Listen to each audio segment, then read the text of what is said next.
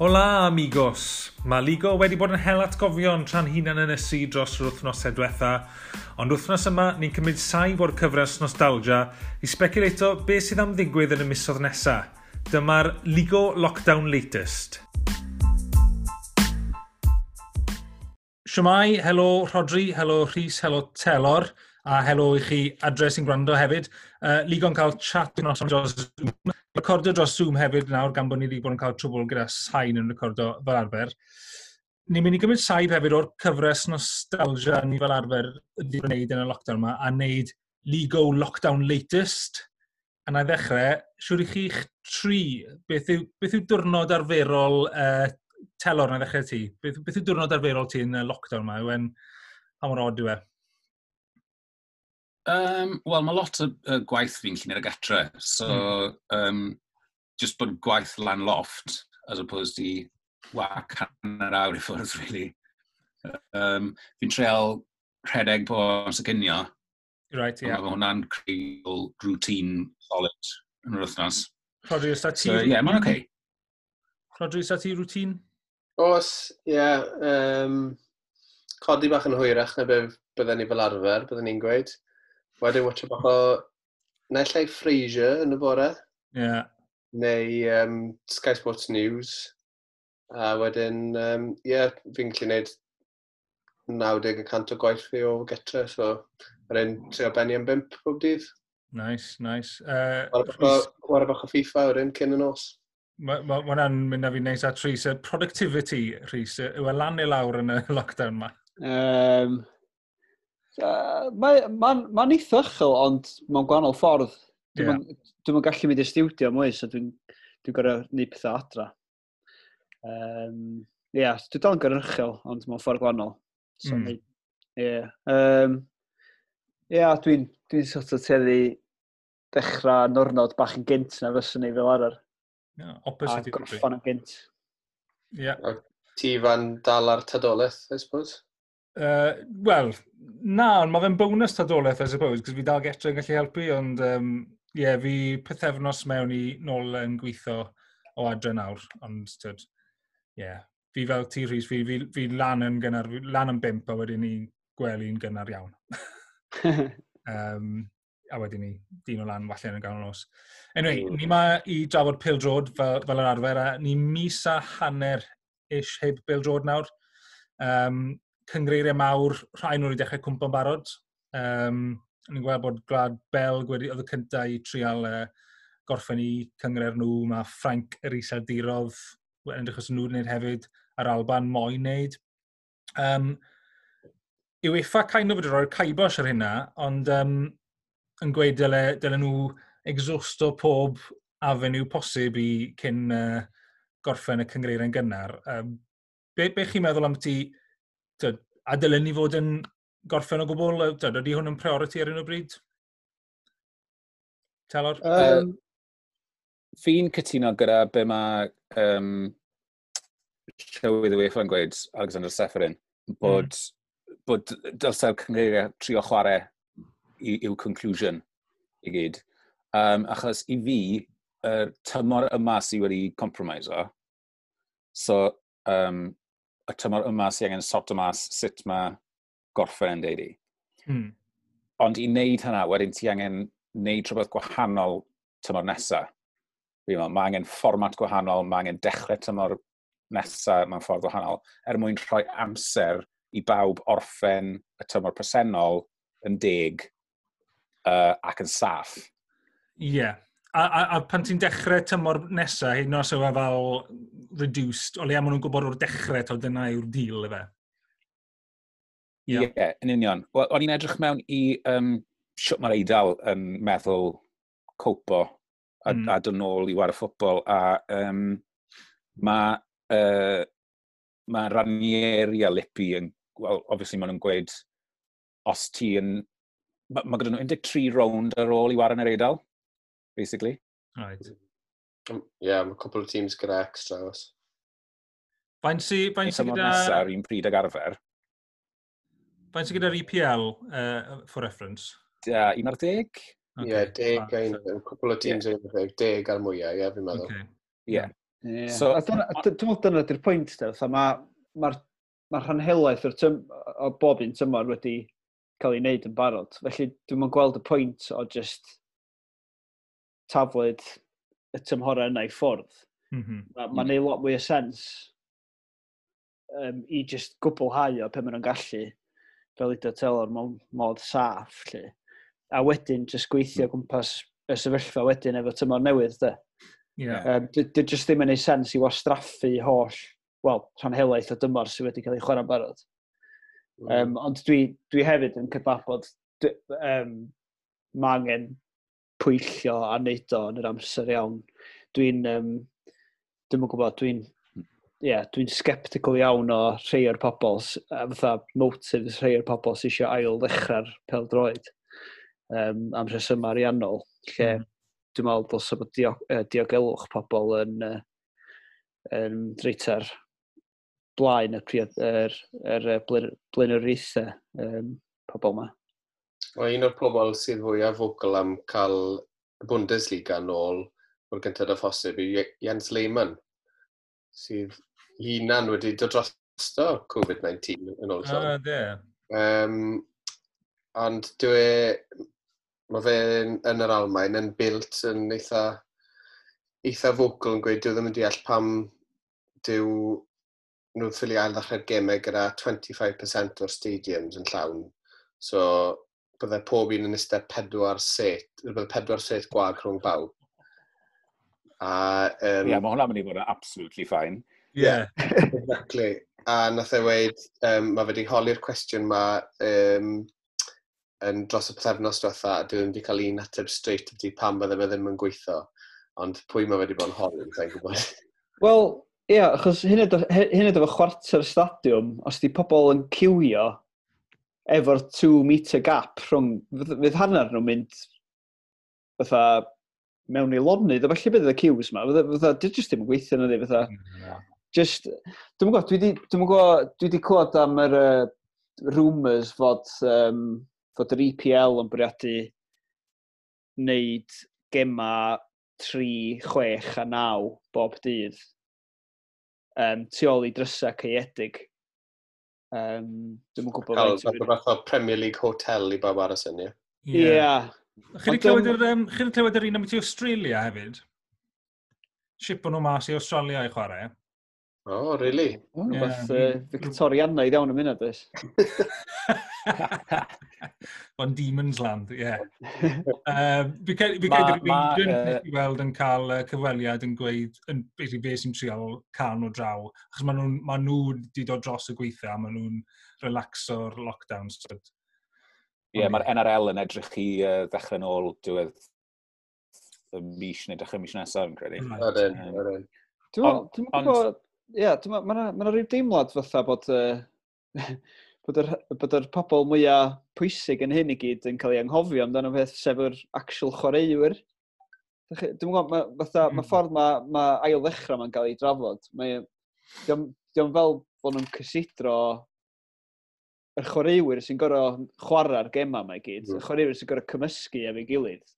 Mm. Well, a, a nhw sy'n hefyd wedyn gorau mynd nôl i teuluoedd nhw. Felly, nes i weld cyweliad heddiw efo Ryan Giggs di siarad efo Ebsi, a oedd o'n mm. hynny A mae hynna'n... Dyna, dyna di'r pwynt pwysica yma. Nhw sy'n gorau chwarae'r gemau yma. Felly, Wel, y peth... Fod nhw'n cael penderfynu mwy na'n byd. Ie, yeah, y peth sgeri yw, to, fi'n mynd nôl... Ie, yeah, dim performing monkeys um, nhw. Bundesliga, to. Ond um, fi'n gwybod, yn yr Almain, o'n nhw'n gweud, o'n nhw'n edrych i ail ddechrau'r nawfed o fai. Mm. So, mm -hmm. um, mae'n pedwerydd heddi, ie. Yeah. Um, So, dros y penwthnos sy'n edrych bod, maen nhw'n newydd testo pob chwaraewr yn y lig a staff. A mas o'r 1,400, mae 10 person wedi dod nôl yn positif. Tri o'r rheina o fewn Cwln, um, doi chwaraewr a un um, o ffisio. Mm. So, mae hwnna jyst yn meddwl, dyw'r lig ddim yn ei gallu dechrau ar y nawfed, os mae deg mas o'r 1400 na, tymod, mm. mae'n recipe for disaster. Mm. A hefyd, yeah, mae'n logistical nightmare. Ie, yn union. A, a beth sy'n ei ddeud fod rhywun ddim yn mynd i ddalo rhwng yr amser maen nhw'n testio nhw a pe maen nhw'n actually chwarae de. Mm. Tha, ie, yeah, mae'n just gymaint o...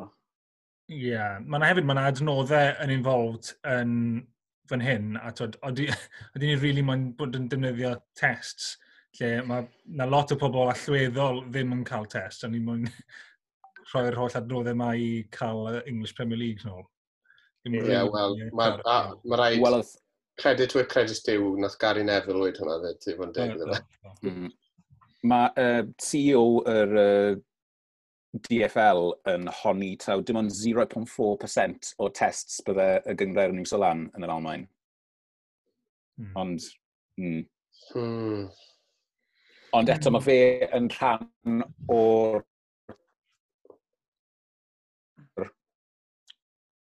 ffwbol nôl eto, achos mae dadl fe yw bod perygl bod pedwar clwb o'r Bundesliga a hanner yr 18 yn y Zweite Bundesliga yn mynd yn bust os dyn nhw ddim yn...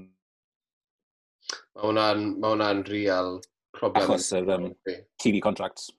Mae ma Paderborn yn un sydd a, ar y brink yn ôl y sôn. Ie. Yeah. Right. Wel, mae uh, Schalke, y tîm sydd gyda'r uh, uh, seventh highest uh, attendance yn Ewrop, apparently. Um, mm. Maen nhw'n ma, yeah, ma nhw gofyn i, um, i fans... I fans i beth? I beidio gofyn am iawn dal am y gemau bydden nhw ddim yn gweld. Oh, okay. yeah. Mm-hmm. Um, yeah. Un thing arall nes i weld heddi, um, Sky Sports yn rhoi'r stori mas am beth i tymor nesa. Chi'n gweld hwn? Na. Uh, na ddo. Pop fel chwarae tymor llawn behind closed doors. Oh. Blwyddyn nesa. Wow. Sy'n swno'n bonkers. Beth hwnna, na i wedi un peth, eith hwnna ddim lawr yn dda iawn um, gyda'r fans um, traddodiadol wedyn ni, achos um, cwp, uh, es i ddarllen cwpl erthyglau gyda ti comments i Jens Lehmann. O, oh, ia. Yeah. A rhai o'r gwefannau Almaeneg o'n i'n darllen jyst yn eitha ridicule o fe. And uh, es i trwy comments uh, Daily Mail wedyn. a oedd... Byddwn ni'n gweud 90 y cant o'n nhw'n cytuno gyda Lehman, a dde 10 y cant arall oedd yn gweud bod e'n siarad mas o'i dîna e yn cael ei absolutely hamro gan pobl. So, Wel... Ta'n mwyn beth yw'r ffordd rownd. Yeah. Dyn nhw'n amlwg ddim yn darllen y Daily Mail. Achos maen nhw mm. wir yn erbyn ail agor e, tu ôl um, closed doors. Pwy na? Um, Pwy nawr? Ni meson ni dechrau hwnna to, rhaid. Uh, um, mae fans y Bundesliga hefyd ddim yn darllen y Daily Mail achos maen oh, nhw yn erbyn ail ddechrau gemau uh, mm. behind closed doors. Um, ond nhw ddim yn hapus bod yr un, y gêm gyntaf erioed wedi cael ei chwarae just cyn y, y lockdown. Fel be maen nhw'n gael efo um, ghost game, ghost ga, game Geisterspiele. Yeah. Mm. Yeah. Um, a dythyn nhw mas gyda hel, dythyn nhw mas gyda hell of a quote yn gweud, professional football has long been sick and should still be in quarantine. Mm. Mae Munchen Gladbach Cwln oedd y gêm na'n dyfe, so... Ie. Yeah. Pwy a wyr fel... O, oh, ie, yeah, ie. Yeah. Dwi jyst yn meddwl am uh, er, uh, un o'r, un o'r gema FIFA o dechrau'r millennium, lle um, oeddech chi'n gallu unlockio uh, fatha five-a-side pitch type o beth. Mm just yn meddwl, eich beth fel a fydd i, fatha, fatha mewn rhyw complex Hefo just y chwaraewyr. Seven, ie? Ie, bosib. Um, yeah, um, Schmeichel yn lli sgorio goal kicks. uh, o'n i'n mynd i weid, um, fi wedi bod ar Twitter yn, yn definitely cytuno gyda chi ambiti dylen ni fod yn gorffen y tymor sy'n nawr, ni, ni mwy na tri chwarter ffordd trwyddo a trwyddo beth yw'r pwynt rysio i dechrau tymor newydd pan ni heb gorffen yn un yma.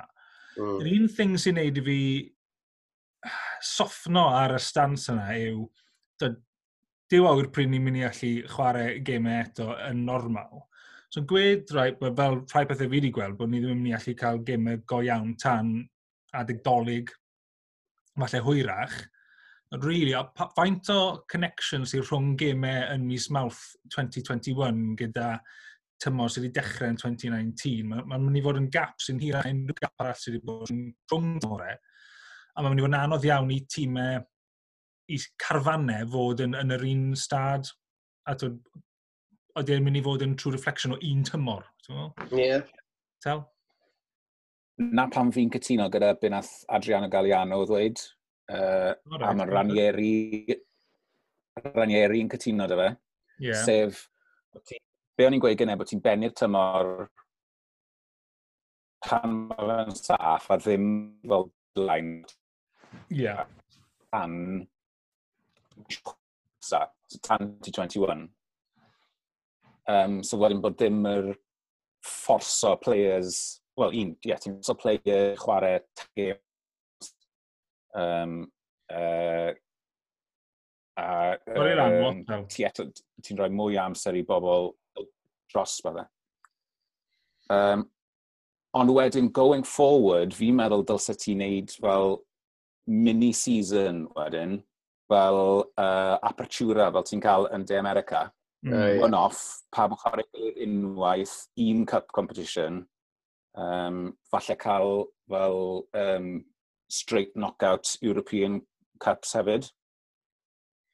Yeah. A wedyn ti'n benni mewn i'r Euros tymor nesaf.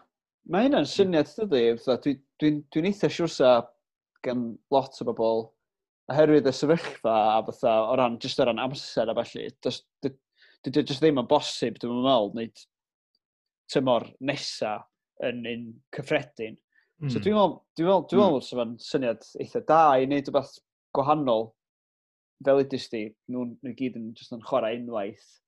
Um, a fatha, eich fatha rhyw sort of play-off system yn diwedd. Fatha, dwi'n meddwl son dim, dim wbeth i, i barhau efo wedyn, ond just one-off bach. Ie, yeah, eimo, eimo i cael popeth nôl erbyn diwedd gorffennaf 2021 wedyn. Ie, yeah. a dwi'n dwi, meddwl sy'n rhaid rhyw cynnwrf gwahanol i'r yeah. um, peth hefyd, jyst o ran sut sa rheolwyr yn chwarae tîma nhw, um, oherwydd yn amlwg sy'n allai y gema a sy'n fwy yn y fantol, os oes o'n knock-out system hefyd. Dwi'n meddwl sy'n nid tymor eitha, tymor bach diddorol. Ie, yeah, fel one-off, ie. Yeah. Dwi'n gallu gael gweithio fel one-off. Um, Ifan, o'n i'n mynd i holi ti am be, ti'n gwybod am um, Cymru, am uh, Cymru Leagues. Dwi'n mynd gwybod dim byd, really, eblawn beth sydd wedi cael ei um, roi mas yn, yn official, so am beth i'r trwyddedau. So, pan bydd na cyngred yn dechrau eto. Mae'n edrych os e um, prestatyn na Prifysgol Abertawe ddim yn mynd i allu dod lan. Ond mae yeah. Flint wedi bod yn lwcus, wel, bod yn llwyddiannus yn ei apel nhw, so bod nhw'n gorffen yn ail. lwcus bach na'n dig. Ie, yeah, na, slip of the tongue o e, honest. Mae nhw'n llwyddiannus gyda'i apel nhw. Um, so mae'n achos nhw a, a Hwlffordd, jyst gyfellau bod nhw'n gorffen yn y daich um, yn dod lan. Ond mae gyd yn yeah. gyda os oedden nhw'n gorffen y tymor. A fi ddim yn gwybod mm. beth yw'r diweddar a gyda hwnna, achos os oedden nhw'n mynd i offod gorffen y tymor yn gynnar, oedden nhw'n deg relegato tîmau, neu oedden nhw'n mynd i codi doi a chwarae gyda 14 tymor nesaf, achos fi wedi gweld hwnna'n hwnna oedd y leak gyfe. Pwy oedd tîm? Bristol Rovers oedd wedi rhoi leak. Um, yeah. yeah. Yeah. Iawn nhw'n gweud, well, yn digwydd bydde 23 yn chwarae yn yr yn y Premier League blwyddyn nesaf, bydde, bydde pob un yn... So bydde dim relegations, ond mae pob un yn cael y promotions. Falle ar y ysbryd tebyg yn digwydd yn y Cymru Premier. Mae na sy'n digwydd yn League 2 yn Ffrainc blwyddyn nesaf, dy fem. So mae um, doi wedi mynd lawr, uh, doi wedi mynd lan, ond mae'n mynd i fod 20 sy'n y League fel arfer, ond mae'r ddoi sy'n dod lan o'r trydydd League yn lan, so bydd 22 yn League 2 am y tro cyntaf blwyddyn nesaf. Right. Bydde fe'n gallu, bydde gweithio'n oce okay yn, um, yn Cymru, achos bydde gyda ti 14, a gallu ti jyst chwarae, pob un yn chwarae unwaith, mae yna 26 gêm fyna sy'n sy ddim yn full season. Tyd. Mm. Mae ma Cymru, Cymru fel arfer, un os oes gen nhw 12 yn gallu chwarae hanner tymor, achos os yw pob un chwarae gilydd unwaith, a dim wneud y chwech i'ch eich eich eich Mm. Mae'n eitha hawdd wneud e fel yna. Fel yna mm. digwyddodd yn gwlad Belg i fe, achos maen nhw wedi trio canslo tymor nhw gyda un gêm i fynd cyn yr split. Mm. Mae'n lot haws i nhw gallu gweud, wel, tyd, mae'n eitha teg iddyn nhw wneud yna. Ie. Yeah, well, stop o nawr, mae Club Rouge 15 points yn glir. Mathematically yeah. impossible i nhw'n dal nhw cyn y split. Mm. Um, Wna i'n weid hwnna reg, dod, ni wedi siarad am ti, byddwn ni wella ni gweld y tymor mae'n cael ei orffen. Os dyn nhw ddim, fel fan Lerpwl, Rhys, pa mor deg ti'n meddwl yw e, beth dyle digwydd i'r pencampwriaeth uh, English Premier League os oedden nhw yn canslo gweddill y tymor? Oh, Dwi'n yn gwybod. Dwi'n meddwl bod o'n uh, anebygol iawn fysa, rhoi, fysa, fysa Lerpwl yn slipio fyny i'r pwynt lle sy'n nhw'n ddim yn cymryd y teitl. Ond eto, um, yn fathemategol, dydyn nhw heb ennill eto. Felly dwi'n meddwl Dwi'n yn meddwl fedrwch chi rili really droed oedden nhw. No. Um, hefyd, os ysach chi yn rhoi o'i Lerpwl, dwi'n dwi, dwi, dwi, dwi meddwl fysa fo'n fysa fo'n fuddigoliaeth hanner gwag. Dwi'n meddwl fysa, dwi'n meddwl fysa fans clybiau eraill yn rhoi di flat out hefyd. um, Ie, yeah, dwi'n gwybod. Dwi, dwi, dwi rili, i fod yn hollol, hollol onest, a trio peidio bod yn bias yn beth, dwi, dwi, dwi ddim yn meddwl fysa fo'n deg. troita mm. iddyn nhw. Mm. Chos, hwnna'n fel mynd nôl i Ffrainc, fel, fel o ti'n gweud ydy uh, clwb rwchaf, mae PSG just way, way ar y blaen. So, neb yn poeni bod nhw'n cael mm. Liga yn trwffi. Ond y broblem fyna yw bod nhw wedi penderfynu bod relegation yn, yn digwydd, so mae Toulouse a Amiens ddim yn lawr. So a maen nhw nawr yn mynd ar mynd ar liga am i cwrt achos mm. o'r 10 gym i fynd, 30 pwynt i wario am. Yn union, ie, mae yna'n bwynt arall. Os ydych chi'n os ydych chi'n rhoi y teitl i rhywun, rhaid chi relegate nhw hefyd, oes? Yeah. Mm. Rhaid y weithio ar ddwy, ddwy ochr. Um, so, beth oedd, oedd um, Toulouse yn gweud hefyd yw bod um, um, cyngor rugby league a basketball Ffrainc wedi cael ei stopo nawr, a fel mae'r champions wedi cael, ond sy'n neb wedi mynd lawr, sy'n relegation di bod. So maen nhw jyst yn gweld yn hash bod mae just yn lig am ar relegation. Hmm. Mm. Um, Ys unrhyw knock-on effect i gael uh, ni eb really meddwl am byti heblaw am be ni wedi trafod yn barod? Fi'n gwybod telor ti'n edrych am rhai bethau. Contract players yn benni. Mm. So Ah, yeah. fel, fel y ti gwed, fel mae tîmau mynd i fod yn newid, yw, yw players yn mynd on y ffri a maen nhw'n benni ben lan o warau i tîm arall mm. uh, am diwedd y tymor. Mm, Wel, mae Espanol so, yeah. wedi contracts bobl, do. Wedi benni contracts bobl? Na, wedi estyn, no. O, oh, okay. Do. So, Ond oedd hwnna'n rhywbeth oedd yn cael ei siafod yn yr uh, leaked Bristol Rovers video, um, audio file, nag oedd e'n miti twyd, a byddai'r chwaraewyr yn fodlon chwarae heb contract, basically, yn y, mm. yn, hmm, hmm. os ydym mynd hibo degfed yr hugen o fe hefyd. Mm. Yeah, Mae'n ma, ma, ma hwnna'n dod lawr i'r person, i'r unigolyn wedyn, yn ydw? E? Ynddi. A agent, siwr. O, ie. Y pobl hyfryd na. Oh, mae'n prediction, pryd pri ti'n meddwl bydd ni'n ôl yn gwylio Phil Jordan fyw?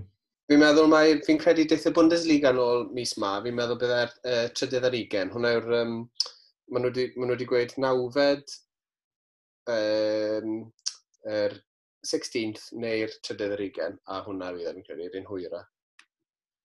Ydyn nhw dal, ond maen ma nhw wedi dechrau mynd lan eto ar cases yn nhw? Tyma bach, mm. ti'n Mm. Yeah. Anyway. Mm. Edrych mlaen i gael uh, gweld mwy o Bill Droid yn fyw rhywbryd. Yep. Yep. Mlwyddyn yma. Sa'n gwybod os newn ni weld y blwyddyn yma, dwi'n gwybod ti. Ie, yeah, dyna di peth, de. Ond um, mae yna bethau pwysicach yn y byd na peldroed, diwedd y dydd, dweud. Beth? That's right, Jav. Oh, News flash. Bill Shankly nath wei, dy fe, it's much more important than life and death. Ie, yeah. ond mae Jürgen Klopp yn dweud, mae'n bethau lot mwy pwysig na fel droed. Ah, uh, fel, there you go. Mae ethos Lerpwl di newid ers y 60s felly, de. Do, yn wir.